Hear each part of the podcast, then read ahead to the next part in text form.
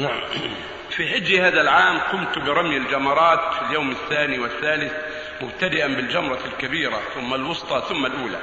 أي عكست الرمي في حج هذا العام قمت برمي الجمرات في اليوم الثاني والثالث مبتدئا بالجمرة الكبيرة ثم الوسطى ثم الأولى. أي عكست الرمي. فهل علي هدي أو فدي أفيدوني رحمة الله؟